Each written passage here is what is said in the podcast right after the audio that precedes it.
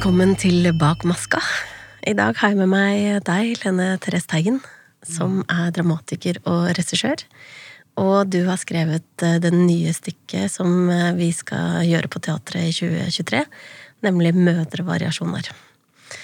Og jeg tenkte jeg bare skulle begynne, alene med å eh, lese hva Mødrevariasjoner handler om. Gjør det. Sara, Kristine, Ingrid og Marianne er alle førstegangsfødende. Vi møter dem som høygravide og følger dem gjennom ti år. Også mødrene deres dukker opp, i tillegg til bestemødre, venner, kjærester og tanter. De bor på en plass der nesten alle kjenner nesten alle. Og sånn kan de ikke unngå å møtes, både når det er planlagt og ellers. Forestillinga ser med skrå blikk på lykkelige og ulykkelige omstendigheter. Her er det både humor og vemod. Vi blir servert fire variasjoner av det å være mor med vestlandsblikk. I tillegg blir det nykomponert musikk, sang, mye strikking og barnevogner. ja. Ja, det blir eh, Barnevogner må til. Mm. Eh, flere enn fire. Ja. Eh, og strikking er jeg veldig, veldig glad i, og jeg driver med strikking selv. Jeg har på meg en eh, selvkomponert eh, genser som er ut, kommer fra et mønster fra Nordfjord. En gammel kofte fra Nordfjord som jeg fant eh, et svart-hvitt-bilde i et ukeblad. Eh, og jeg har strikket hele mitt liv, men det har jeg brukt i, eh, i mange andre forestillinger også, så har det liksom vært noe som har gått igjen, mens her er det helt integrert i handlingen i stykket, så det, det syns jeg er litt gøy, da. Men du har familie fra Nordfjord? Jeg har en stemor fra Nordfjord, og så har jeg eh, familien min som nå kommer fra Bråttå i Skjåk, eh, kom opprinnelig fra Geiranger og dro over fjellet i sin tid. Eh, og ja, flere, flere linker til eh, Sunnfjord og Vestlandet. Når jeg eh, troppa på som eh, teatersjef, så er jo dette en av de ideene til en forestilling som jeg har hatt med meg hele veien. Så uten at du visste om det, Lendresse, så har du vært med på intervju hvor jeg sa at eh, Len Therese skal lage et stykke som heter Mødrevariasjoner. um, og da tenkte jeg at eh, mødrevariasjoner det kunne, Vi kunne ha et stykke som var mødrevariasjoner, fedrevariasjoner og familievariasjoner. Og det kunne liksom trekk, strekke seg over flere år. Eh, Så nå har vi jo begynt med mødrevariasjoner, og det var veldig naturlig for meg å spørre deg. Du er jo en fantastisk både regissør og dramatiker, og nettopp det at du iscenesetter dine egne tekster, syns jeg er en veldig styrke. Takk. Um, så jeg var jo veldig sikker på, lenge før, eh, lenge før jeg eh, spurte deg om du var interessert, at jeg ville at du skulle gjøre det. Men hvorfor takka du ja? Først er det jo kjempehyggelig at du ville ha meg. Det ble jeg veldig glad for. Eh, og det var kanskje også en av grunnene til at jeg sa ja. At du var veldig sånn tydelig på at dette eh, vil, vil jeg gjerne at du skal gjøre. Eh, og det er en veldig, veldig, veldig hyggelig ting å få spørsmål om. På den annen side så, så er det klart at det, altså mødre, moderskap det det det helt, altså Fødsler, da, alt det er, det er jo liksom selve livet. Og jeg hadde holdt på med noe av det samme før, spesielt i det stykket som heter Mater Nexus, som hadde upremiere i 2001, som har vært spilt mange steder i verden, faktisk. Eh, og noen kunne jo tenkt at da har du gjort det, og nå må du gjøre noe annet, men for meg så, så var det helt sånn innlysende 20 år etter at ja, nå er det på tide å, å snu kortene og, og se på det igjen, for det, ting har jo også forandret seg på de årene. Eh, men det er Jeg kunne kanskje si at det også å skrive et stykke om mødrevariasjoner, det er jo det samme som å skrive et stykke om livet.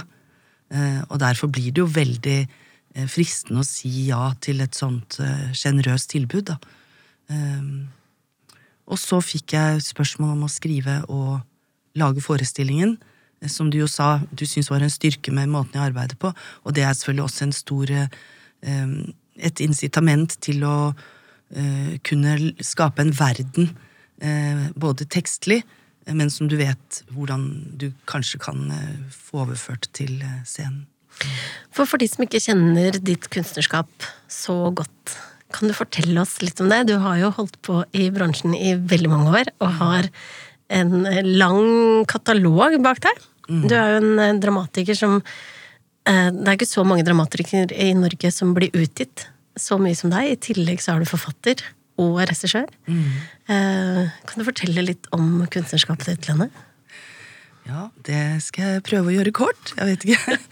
Eh, jeg har holdt på eh, i mange år med å både skrive og arbeide praktisk med scenekunst.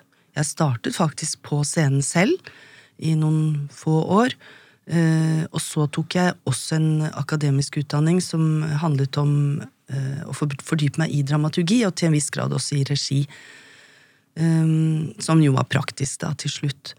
Jeg laget litt film. Hatt også film ute i verden. Vært veldig gøy. Kortfilm da. Og, og så begynte jeg å iscenesette, og samtidig begynte jeg å skrive. Og jeg har arbeidet veldig mye med eh, å skape eh, gode roller for kvinner, fordi den gangen jeg startet, så var det på en måte noe som var litt i vinden. Eh, kanskje ikke det viktigste for veldig mange, men det var nå en god del eh, både, altså bransjefolk, også eh, kvinnelige skuespillere, som var opptatt av at de skulle få lov til å være noe annet enn vi bikarakterer i menns liv, da, i, i dramatikken. Og det eh, Det syns jeg var interessant, men kanskje ikke så mye fordi at jeg på død og liv var så opptatt av eh, kvinnesaken den gangen. Nå er jeg jo veldig mye mer sånn Jeg er en feminist, liksom. Eh, men da handlet det også om eh, andre måter å skrive på, og hvordan jeg kunne skrive fram nettopp da flere eh, likeverdige karakterer. Altså være i en i et eh, felt hvor eh, det ikke handler så mye om at noen er bikarakterer og noen er hovedpersoner, men rett og slett lage eh, stykker hvor eh, flere eh, karakterer er likeverdig til stede og har like interessante historier som veves sammen. Det kan man kanskje si er noe av det jeg har arbeidet med. da. Men kan du, fordi at I mødrevariasjoner så er det jo 16 forskjellige karakterer og fire forskjellige skuespillere. Um, og som du sier, så fins det uh, Innledningsvis så snakker vi om at det er Sara, Kristine, Ingrid og Marianne. Så de er jo på en måte hovedkarakterene. I tillegg så har de fire, åtte, tolv uh, bikarakterer som uh, svever ut og inn. Hvordan jobber du da med en, denne veven? For det er jo ekstremt Det høres jo veldig, veldig komplisert ut å skrive det. Det er veldig komplisert. Eh, Jeg tror jeg er litt sånn eh, mattenerd og skjemanerd noen ganger. Eh, Så jeg pleier å ikke sant? Det er på en måte to helt forskjellige måter å arbeide kunstnerisk på, eller analytisk. Kan man si Noe er mye mer analytisk, og andre er mer intuitivt. da. Eh, Så jeg liker å ambulere mellom disse ulike posisjonene, kan man nesten si. Um, Så når jeg setter i gang med sånt arbeid, som jeg har gjort flere ganger før, altså at eh, det er færre skuespillere som skal gjøre eh, Altså jeg skriver for færre skuespillere enn antall karakterer. Så er det liksom Det er jo et mattestykke å regne ut hvem kan gå ut og komme inn, hvordan skal jeg få det til å gå opp, liksom. Eh, som, eh, som jo Det er ganske moro hvis man er nerd på sånne ting, da. Eh, og samtidig så er det jo en grunn til at jeg tenker, bare for å si noe om det, at det, det er jo interessant eh, hva som skjer eh, teatermessig når man velger eh, å la en skuespiller spille flere roller. Jeg tenker at skuespilleren på en måte kommer mer fram som også seg selv på scenen gjennom at uh, publikummet uh, tydelig ser at her går jeg fra den ene til den andre. Uh, jeg er ikke så, altså Apropos kunstnerskapet mitt, så har jeg utviklet en slags stil hvor man ikke løper rundt og tar eller løper bak, sier man jo, og tar på seg en ny parykk eh, og later som man er en helt annen, men hvor det er helt tydelig At man skifter til en annen karakter. Det liker jeg veldig godt. Det er liksom den teaterformen som jo har en slags lekenhet i seg, som gjør at selv det som kan være trist, også kan ses på med noe avstand, uh, uten at det, det er sånn kjempeavstand og ingen har en ordentlig rolle, da, for det, det liker jeg også, at man er, man er noen, liksom. Um, nei, så det Jeg vet ikke om dette egentlig svarte på spørsmålet ditt. Veldig fint. Men når du får da en sånn bestilling som mødre variasjoner, hvordan starter du da? Jo, eh, det eh, er forskjellig fra gang til gang, og ikke, jeg har jo veldig få ganger i livet fått en bestilling eh, på denne måten. Eh, så jeg gjør jo litt ulikt fra, i forhold til hva jeg arbeider med. Men med dette stykket, så noe av det første jeg tenkte var at eh, ja, jeg er mor, jeg er stemor, jeg er datter. Eh, jeg er eh, de fleste posisjoner, på en måte. Jeg er stebestemor, til og med. Um, så det er klart at jeg kunne jo sett på meg selv som en ekspert. eh, fordi jeg i meg selv er mange variasjoner. Men jeg er jo også en litt sånn streng person som gjør veldig mye research. Jeg har jobbet mye med både historisk materiale og politisk materiale, hvor man faktisk må kunne ganske mye for å skrive det jeg ønsket å få til å skrive, da. Eh, Så det var noe av det første jeg tenkte, at her må jeg gjøre research. Jeg kan ikke bare eh, tenke at jeg er eksperten. Og det tenker jeg er noe av det jeg også gjerne vil formidle helt sånn generelt, at eh, ofte så må vi faktisk undersøke ting litt før vi setter i gang og uttale oss, da. Mm. om det meste. Så jeg bestilte en hel haug med bøker. Alt fra sånn How to cope with eh, an awful mother, eller hva det heter. Altså masse, det var utrolig mye sånn amerikansk litteratur med eh, ikke sant, awful mothers eh, Ja, hva nå det heter. Eh, så noen sånne bøker som jeg har skummet litt, men jeg tenkte at nei, det var ikke akkurat det. Eh, og romaner. Det kan jeg jo si er at etter min Mater Nexus, altså Mater Nexus betyr mor sammenheng, da det stykket jeg skrev i, som var ferdig i 2001, da var det veldig få som skrev for eksempel om selve Eller ja, skrev eller eh, vi kunne lese om selve fødselen, fødselserfaring, altså å føde. Eh, så det var litt sånn nytt. At noen, en skuespiller sto på scenen og, og fortalte det eh, i det stykket. Eh, men det oppdaget jeg jo raskt når jeg på en måte fokuserte kun på det. At her fantes det nå Eller finnes utrolig mye eh, også god litteratur og ulik litteratur hvor eh, kvinnelige forfattere primært da har skrevet om sin egen erfaring med å være gravid for første gang og føde osv. Så, videre. så det var jo en ganske spennende ting å gå inn i og lese om. Jeg fant en veldig fin bok på finsk, hvor det var eh, en dokumentarisk bok med korte intervjuer med 25 ulike skandinaviske kvinner om ulike måter å få barn på, ønske å få barn, og, og hvordan de eh, livet deres arter, arter seg etter at man har fått barn. Eh, og mange andre, blant annet eh, Ida Jackson, som akkurat har gitt ut en, eh, en bok som heter Fødselsdag, som gjorde ganske sterkt inntrykk, eh, og så videre. Og så leste litt filosofi. Så jeg prøver liksom å spenne over alt fra eh, litteratur, skjønnlitteratur, eh, til akademisk eh, krevende materiale, da, for å liksom fylle meg selv med Det er en form for inspirasjon, og så skal dette på en måte boble og koke, og så skal det plutselig bli på en måte min kunst, da. Og det er vel det som jeg eh, må bare tro at jeg får det til. At, at det kommer ut noe helt annet i den andre enden. Og det er jo målet mitt. Og så snakker jeg sikkert en del om det. Det puttes noe inn i hodet, og så begynner jeg å tenke på det på en annen måte, og snakke med venninner og stille spørsmål og mm, sånne ting. Ja. Det er mange måter å forberede seg på, da. Men har du funnet i researchen din noe som overraska deg? Uh, ja, nå nevnte jeg Ida Jackson, eh, og kanskje noen av de andre Det som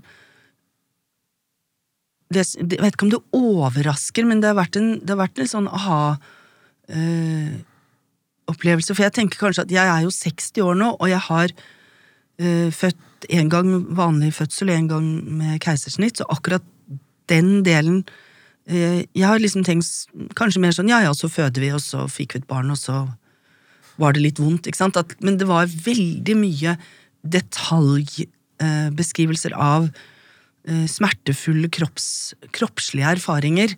Um, og det kan jo være at det ligger i tiden nå, at vi er mer opptatt av å kjenne etter.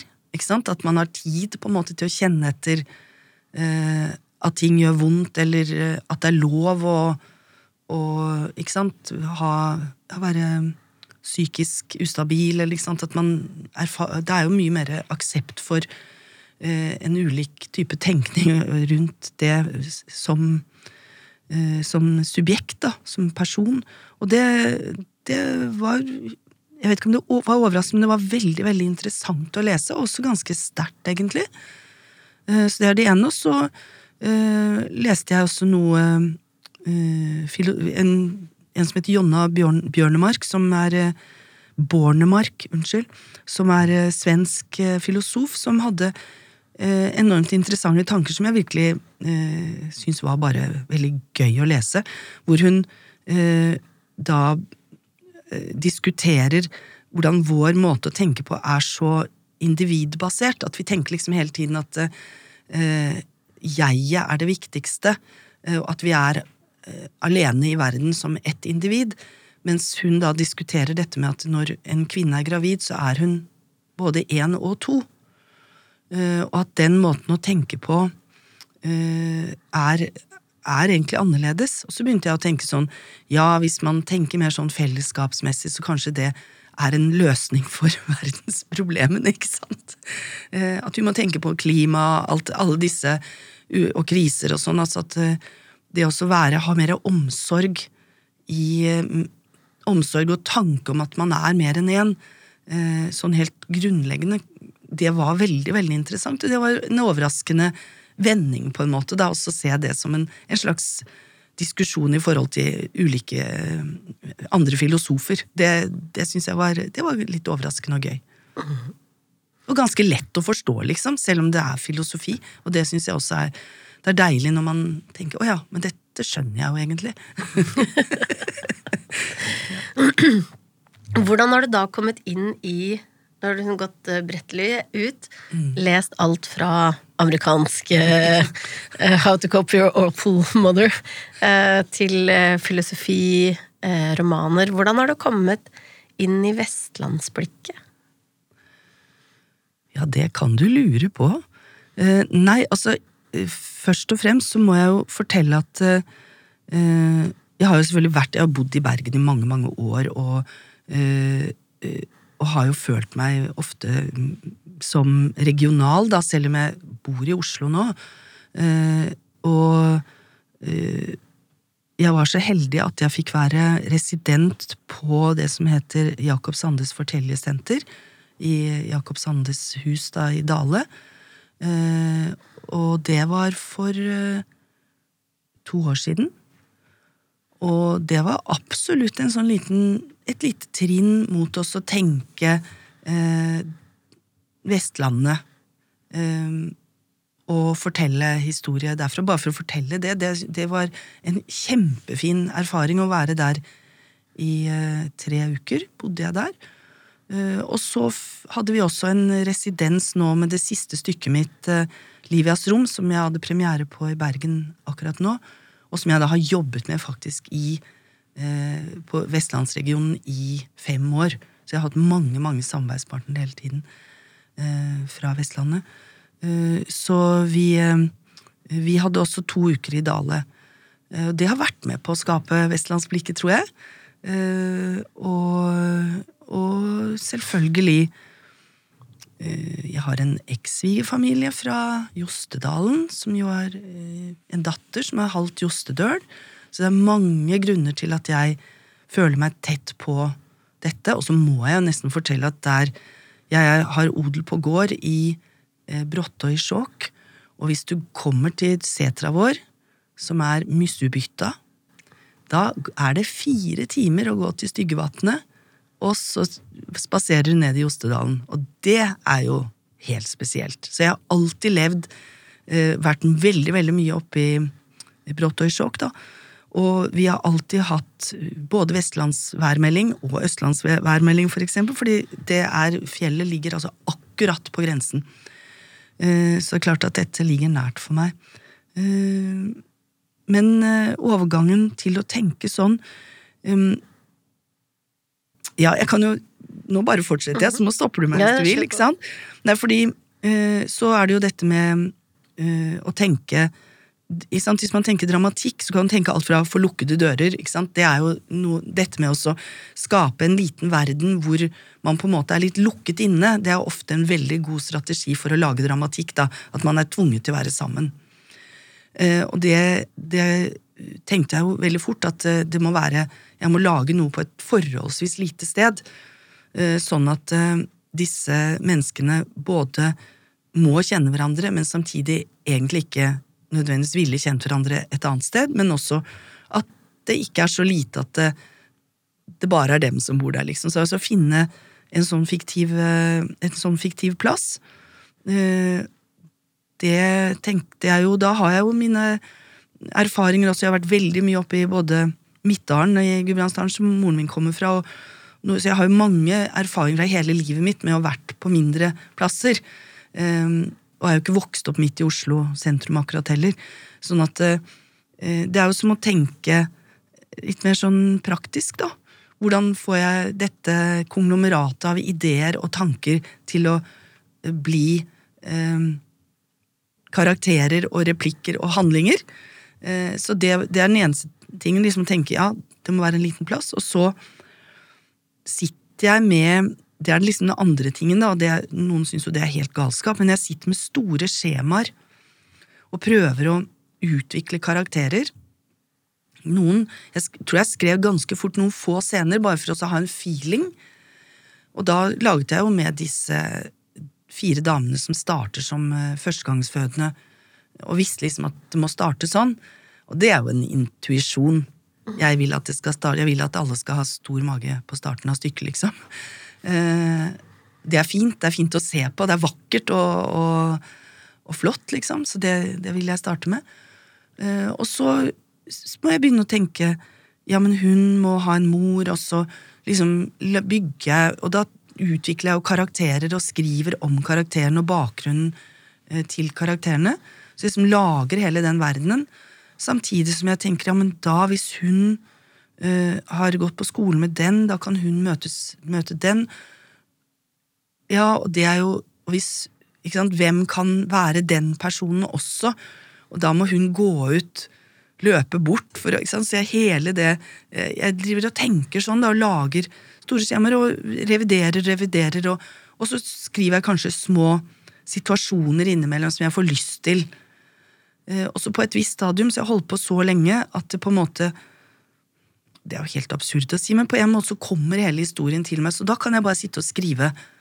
Eh, og skrive, og så kan jeg sjekke. Å ja, nei, da eh, Hun, ja, hun hva var det hun het igjen? Så, så, går jeg og tenker, og det gjør jeg fremdeles, går og tenker på karakterene og prøver å lage Repetere verdenen deres, og hva het nå den? Bestemoren til den, og sånne ting. Så jeg liksom lager det sånn. Så du både lager du skriver ut liksom en hel bakgrunnshistorie for hver karakter. Mm. Og så lager du et samfunn som de karakterene eksisterer i, med liksom fullt familietre. Og liksom et, så du lager liksom et helt samfunn. Og så er det den eh, logistikken med at dette skal være for fire skuespillere. Så at det liksom sånn, ok, hvem kan spille, hvem kan spille hva i dette samfunnet, da? Så må du plukke ut liksom Ok, men det, det blir ikke mulig. Har du liksom noen darlings som du bare åh, i ja. dette familietreet så fantes det liksom mm. noen som ikke fikk være med. Mm. I nesten alle. Ja. Sånn er det å lage dramatikk. Eh, du skal ned i en eh, Altså en eh, viss tid, ikke sant. Du kan ikke ha et stykke som varer i, i fem timer, i hvert fall vil det være veldig slitsomt for de skuespillerne som skal løpe ut og inn hele tiden, for her er det ikke, det er ikke pause for dem, ikke sant? Eh, så det skal ned i en varighet som ikke er altfor lang. Og så eh, skal jo den, total, den endelige handlingen skal jo si noe eget om da mødrevariasjoner, om moderskap. Så det må jo være liksom Førsteprioritering er også å ta vekk ting som eh, kanskje ikke er det aller viktigste. Mens jeg kjenner jo inni meg åh nei, det hadde vært så fint hvis den, også den lille detaljen hadde kommet med. Men så ser jeg jo ofte at det, det ligger liksom spor av det. At jeg har tenkt på det. Ligger igjen som en eller annen liten ting som jeg kan se. Og det kan jo jeg, som, siden jeg er så heldig at jeg skal også regissere, så kan jeg jo faktisk bygge de tankene til de ulike skuespillerne, som de også får det på en måte med seg i en bagasje når de spiller. Eh, så det kan bli veldig gøy. Jeg har jo ikke barn. Noe jeg tenkte på i forhold til mødrevariasjoner, er jo nettopp det at uavhengig av om man er hvilket kjønn man definerer seg som, så har man eh, Alle har alle har en eh, mamma, eller alle har kommet fra en kvinnekropp. Og at eh, vi alle kjenner en mamma, og at det er noe som man har veldig mange følelser knytta til, både på godt og vondt. Eh, det at man har liksom disse ulike oppvekstene, og det har man jo på godt og vondt i forhold til alle voksenpersoner i livet sitt, men nå i denne mødrevariasjonen så er det jo liksom forholdet til mor. Og nå har vi jo snakka en del om det at disse sant, de starter som gravide gravide kvinner, men når du ser på det med variasjon og mødrevariasjon, hvordan kommer det liksom, til uttrykk gjennom stykket, dette samfunnet da, som du har skapt? Mm. Nei, altså Det første jeg sa til deg når du spurte meg, det var jo ja Er du sikker på at det, det er jeg som skal jeg har jo, det, er mange, det bobler jo fram ikke bare gode morsfigurer. Eh, Eh, og det har jeg jo liksom tenkt på at ja, det er, det er jo variasjon. Og vi har alle våre erfaringer. Eh, og jeg har jo da prøvd å eh, selvfølgelig måtte eh, Det blir jo litt sånn skjematisk, men jeg eh, har eh, forsøkt å lage oss Det er jo flere generasjoner, så det er de som blir født, som vi følger i ti år. Det er også en som jeg gjerne skulle hatt med på scenen, en, en jente som da er fem, begynner som fem og 15 til slutt, som vi bare hører om. Maria. Eh, og så er det eh, mødregenerasjonen til de som føder, og så er det enda også bestemorgenerasjonen. Så jeg har jo prøvd å få, få fram ulike relasjoner, og til en viss grad også fått vist hvordan for eksempel en mor som opplever seg selv som kjempesnill, kanskje egentlig blander seg altfor mye inn, og egentlig eh, I hvert fall en måte å se på det er at det blir et veldig dårlig mor-datter-forhold. Eh, og det kan faktisk komme ganske eh, mye til uttrykk. Altså, relasjonen forandrer seg litt når du får barn i forhold til at da kan jo mor bli mye mer masete og blande seg mye mer inn enn før. Noen vil jo erfare det, eh, mens andre opplever jo også distanserte mødre. Det er jo så mye forskjellig. Og også selvfølgelig i hvor stor grad man opererer som et slags mor-far-team, eller på en måte at man ser mer mødre og fedre hver for seg, da. Så jeg har jo, jeg vet ikke om dette er å svare på det, det du spør om, men jeg har jo tenkt ganske mye over hva gjør at jeg har én, for eksempel én altså hva gjør at eh, at eh, relasjoner forandres, og hva er det eh, ikke sant, Hva er det i samfunnet som får deg til å eh, tenke at sånn må det bare være, eller dette må vi forandre på? jeg prøver å tematisere det til en viss grad òg. At noe er på en måte tradisjon, og noe er egne erfaringer som gjør at ting snur seg litt. Og der har jeg jo blant annet én som mor-datter for oss, et mor-datter-forhold som starter ganske at mor er ganske streng mot en datter som kanskje har eh, surra litt mye, og så overraskende nok så forandrer det seg når mm, datter opplever øh, vanskelige ting i livet. Så viser det seg at moren faktisk tar tak i det da, og ikke fortsetter å være streng. og det, det er jo sånn som jeg tenker at noen, noen, gjør det, andre vil jo støte datteren fra seg fordi at øh, hun gjorde ting som ikke øh, man syns Eller i hvert fall naboen ikke syns du burde gjøre, da. Så det er jo hele tiden å tenke, ikke sant, hvordan, hvordan får eh, samfunnet eh, deg til å tenke at noe skal være sånn, og hvordan konkurrerer du om å være eh, den beste moren eller den beste Altså alt det der der er også veldig både morsomt og tragisk, da, kan man si. ja, det er noe som jeg syns er veldig fascinerende når jeg leser stykket ditt. Da, ikke sant? Det er jo Det er jo eh, Man Noen har jo i, denne variasjonen som jeg opplever at du virkelig har fått til, da, ikke sant. Noen er ulike former for kjærlighet. Eh, og eh, både eh, likekjønna eh, ekteskap og samboerskap og giftermål er vi innom. Å få barn og ikke få barn. å ta abort og føde. og etter hvert som vi følger dem gjennom ti år, så er det jo liksom noen noen forhold. Noen blir skilt.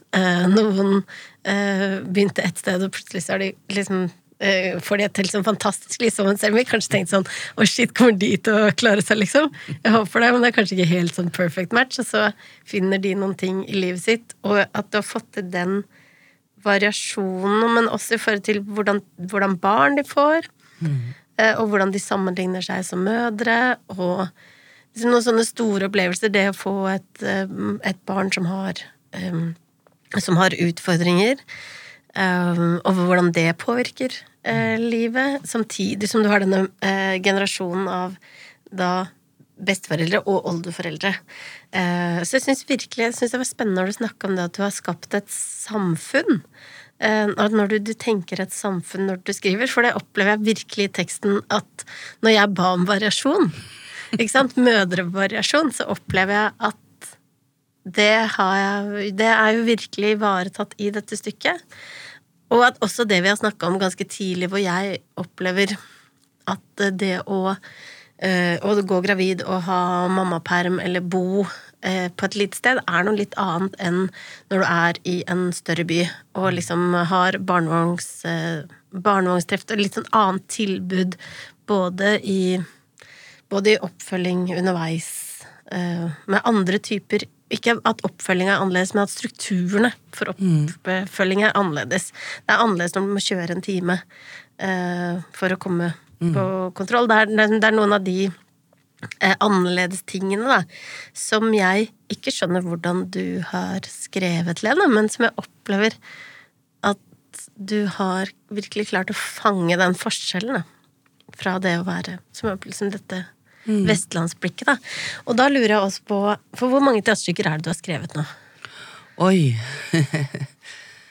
um, Nei, det er sikkert sånn oppi 20. Det jeg vet, er at nå når vi skal gi ut mødrevariasjoner, eller ikke jeg, men Transit forlag, mm.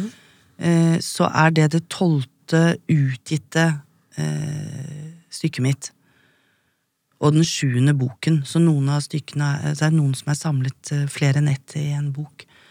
Um, så Men jeg er jo mange som jeg ikke har gitt ut også. Um, så ja, jeg har gitt ja, mange. Mm. Og jeg jobber ofte lenge med stykker. Ikke, jeg gjør det ikke på tre måneder. Nei, hvor lang tid tar det? Ja, altså Livias rom tok jo da fem år, eller fire og et halvt. Mm. Uh, det tar uh, jeg vil si at uh, dette har jeg brukt ett år på. Mm. Jeg har også lyst til å si noe annet, forresten, apropos hvordan jeg har jobbet ut et stykke. Fordi i denne situasjonen har jeg vært så heldig at jeg veldig tidlig har kunnet være i dialog med hun som skal Eller lager scenografi og kostymer til dette stykket for dere mm. på Teater Vestland, og det gjør, har gjort at hun da har også vært i dialog med meg om sine erfaringer. og, og har jeg tenkte med en gang, Det første jeg tenkte, var masse barnevogner. liksom Hauger av barnevogner.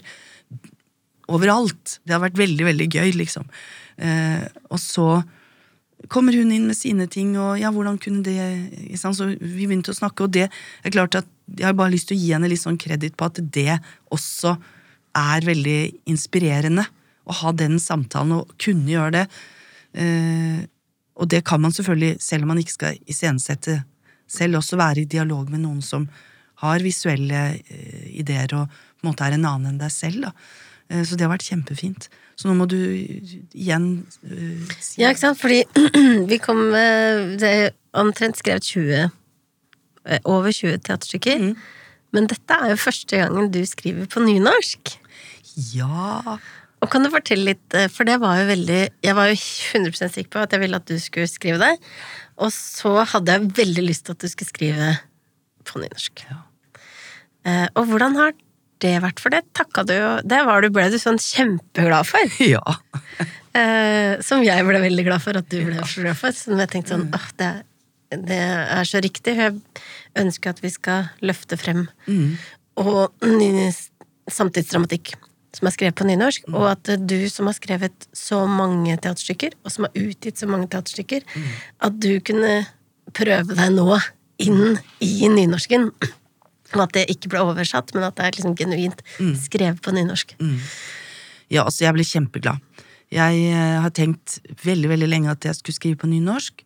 Uh, og uten at jeg har følt at det har vært veldig uh, lett for meg, så har jeg visst at det burde jeg gjøre. Jeg har skrevet et stykke direkte på engelsk, og Livias rom også halvveis, altså halve på engelsk først. Og det har jeg også erfart at det gjør jo noe med meg som forfatter, at nesten en annen del av meg kommer tydeligere fram når jeg skriver på et annet språk. At det skjer noe med historien og sånn. Så det, apropos det man snakker om med liten plass og sånn, så tror jeg også språket har vært med på å få det eh, livet til å komme, da. Men eh, jeg ble kjempeglad. Jeg har skrevet et ganske langt essay om uh, Tsjekhovs tre søstre på nynorsk for Samlaget i en sånn uh, søsken uh, ut, Jeg husker ikke, en stor bok som het noe med søsken. Uh, og det var utrolig langsommelig og vanskelig og mye frem og tilbake.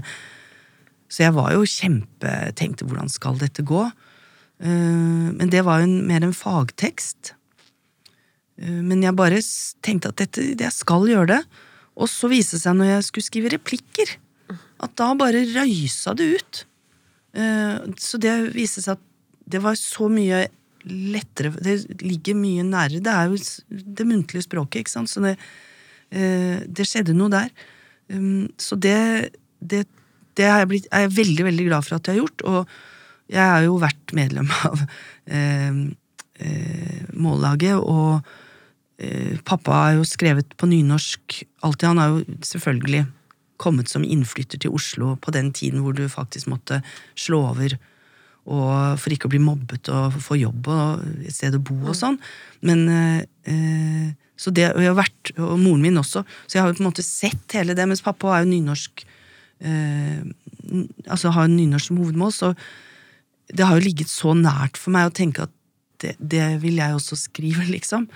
Eh, så jeg har jo hatt hele livet, og alltid likt nynorsk kjempegodt. og vært i masse diskusjoner med klassekamerater om hvor viktig det er å, å lære nynorsk med sånne ignorante idioter i Oslo-skolen.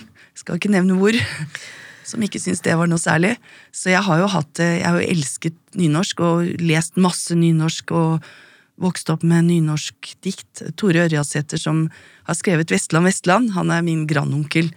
Eh, pappas onkel. Eh, og dette er jo selvfølgelig da, som jeg ser det, fordi at eh, familien kom fra Geiranger. Så det var en sterk kjærlighet til Vestlandet som da gjorde at han skrev Vestland, Vestland. Så det er klart, han, Og han var også dramatiker. Så inni det, ja, et eller annet sted der, så er det jo en slags sånn hang, en slags lengsel hos meg til å være Ja, liksom bli en del av det språkfellesskapet, kanskje, da. Mm. De har jo gjort eh, forskning nå. Jeg var på mm, et eh, på eh, Førde Mållag eh, sin sånn eh, kveld i november. Og der eh, sa de at forskning viser at når du nå lærer både bokmål og nynorsk, så er det de samme eh, Du har de samme fordelene som når du lærer deg engelsk eller fransk. Eh, I forhold til hvordan hjernene våre Ja, jobber. da, ja, altså ja. Hvor mye at vi er tospråklige i Norge med bokmål og nynorsk, gjør at vi får eh, Det er så bra for hjernene våre, da. Så det skal du tenke på nå, når du har liksom brukt et år på Ja, ja. å jobbe deg inn i det nynorske språket. Men når du sier at det åpner noe litt annet i kunstnerskapet ditt, Mm. er det noe du liksom klarer å sette ord på, eller er det en følelse, eller er det liksom Ehm, det er fryktelig vanskelig. Jeg kan hoppe til når jeg skrev Square, og det er lenge siden 2004, og da skrev jeg et stykke på engelsk som jeg, jeg skjønte nesten ikke hvordan dette kom ut av min kropp og min hjerne. Det var helt mystisk. Disse rare damene, også langt ute på bygda, eh, i en gård, altså det var grusomme, ikke-verbale mennesker som eh, var slemme mot hverandre og, eh, og hadde et forferdelig liv, egentlig. Eh, Det var helt merkelig. Eh, Og så en annen rammehistorie som eh, hvor på en måte harselerte over det igjen. Da. Det var, eh, så jeg visste jo på en måte at noe kunne skje. Eh, Men her så Jeg vet ikke eh, Jeg vet ikke hvordan Altså, det jeg vet jeg har jobbet mye med, også et prosjekt jeg gjorde tidligere for Teater Innlandet, som du var involvert i før du ble teatersjef. Eh, Der gjorde jeg jo utrolig mye eh, bakgrunnsundersøkelser om eh, leveforhold eh, i regionene. Så dette hadde jeg jo med meg inn i dette prosjektet. Eh, om eh, innflyttere, tilbakeflyttere, fraflytning. Alt det. Jeg leste masse undersøkelser og intervjuet hauger av ungdommer rundt omkring i eh, Østerdalen og Gudbrandsdalen og Valdres videre for å finne ut hva de tenkte om fremtiden sin. Og da snakket vi også en del om språk. Eh, og det er klart at det har liksom ligget mye, mye interesse hos meg eh, i forhold til eh, andre måter Jeg har alltid vært opptatt av det også. Ikke sant? Når du er dramatiker, så må du jo på en måte tenke deg helt inn i andres situasjon. Og lage forskjellige perspektiver. Eh, men eh, jeg, jeg vet ikke. Det var akkurat som eh, Det bare kommer til meg. Og da tenker jeg det må være at jeg har snakket masse med gamle tantene mine oppe i og om hvordan deres liv har vært, og alltid vært opptatt av sånne ting. Les, ja. Så jeg har liksom Jeg lever mange parallelle liv inni hodet mitt. Det må vi jo når vi er forfattere. Ja, og jeg tenker også når jeg leser dette stykket i forhold til andre stykker, at det er kanskje noe med ordvalg og setningsoppbygging som er litt vanskelig å sette ord på, men som allikevel får frem en litt annen valør, da, eh, av, eh, av kunstnerskapet ditt, eller en annen stemme, eller Det er litt vanskelig å uh, sette Ja. ord på det. Jeg liker jo at alt at det jeg gjør, er uh, Altså at det er såpass variert at det er forskjellig.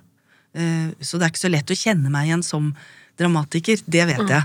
At det liksom gjør helt ulike ting. Noe er veldig intellektuelt, og så er det noe som er Det siste jeg gjorde, er jo fra romertiden, osv., osv. Så, videre. så jeg jobber jo med veldig Jeg liker det veldig godt. Liksom at jeg kaster meg inn i noe helt nytt. Når blir manuset helt ferdig? Det blir ferdig om fem dager eller noe. Da skal det gå i trykken, og da er det siste frist for innlevering til deg. Spennende, Lene. Eh, veldig interessant å høre på deg snakke. Er det noe du tenkte på i den podkasten du tenkte sånn at dette hadde jeg lyst til å si om å skrive, eller om dette stykket, eller noe sånn siste tanker vi skal ta med oss ut i verden? Eh, Det kommer jeg til å tenke når jeg hører dette om noen uker eller sånn. Da kommer jeg til å nei, at jeg ikke sa det. Eh, Så det, det får vi bare spare til en annen gang. Men takk for at jeg har fått lov til å prate om meg selv. Det er jo alltid veldig både utfordrende og gøy. Eh, Og så har jeg bare lyst til å si at jeg gleder meg kjempemye til å få lov til å bo i Førde og jobbe med disse fantastiske skuespillerne som skal være med. Eh, Så det å så omsette det skriftlige materialet til noe levende på en scene, er jo også en veldig, veldig spennende prosess. Og eh, da setter vi i gang med det. Og det er noe nytt igjen. Så det, blir jeg, det gleder jeg meg til. Men kan vi ikke ta en ny prat om det når vi er i gang med prøvetida? Det kan vi gjøre. Det blir bra. Tusen takk, eh, Lene.